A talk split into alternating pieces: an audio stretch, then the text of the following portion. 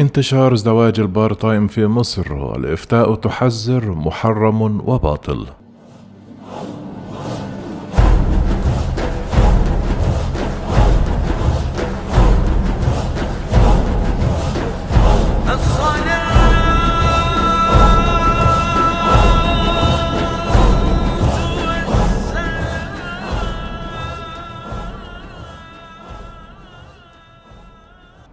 أثارت ظاهرة زواج البار تايم وهو الزواج الذي يكون محدد الوقت أو زواج لمدة معينة يتفق عليها الطرفان جدلا واسعا في الشارع المصري ومواقع التواصل الاجتماعي بين مؤيد ومعارض له.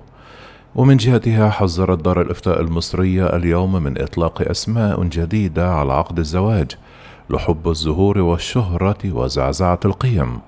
كما أضافت دار الإفتاء أنه لا ينبغي الانسياق وراء دعوات حداثة المصطلحات في عقد الزواج التي ازدادت في الآونة الأخيرة والتي يكمن في طياتها حب الظهور والشهرة وزعزعة القيم مما يحدث البلبلة في المجتمع ويؤثر سلبا على معنى استقرار وتماسك الأسرة التي حرص عليها ديننا الحنيف ورعته قوانين الدولة.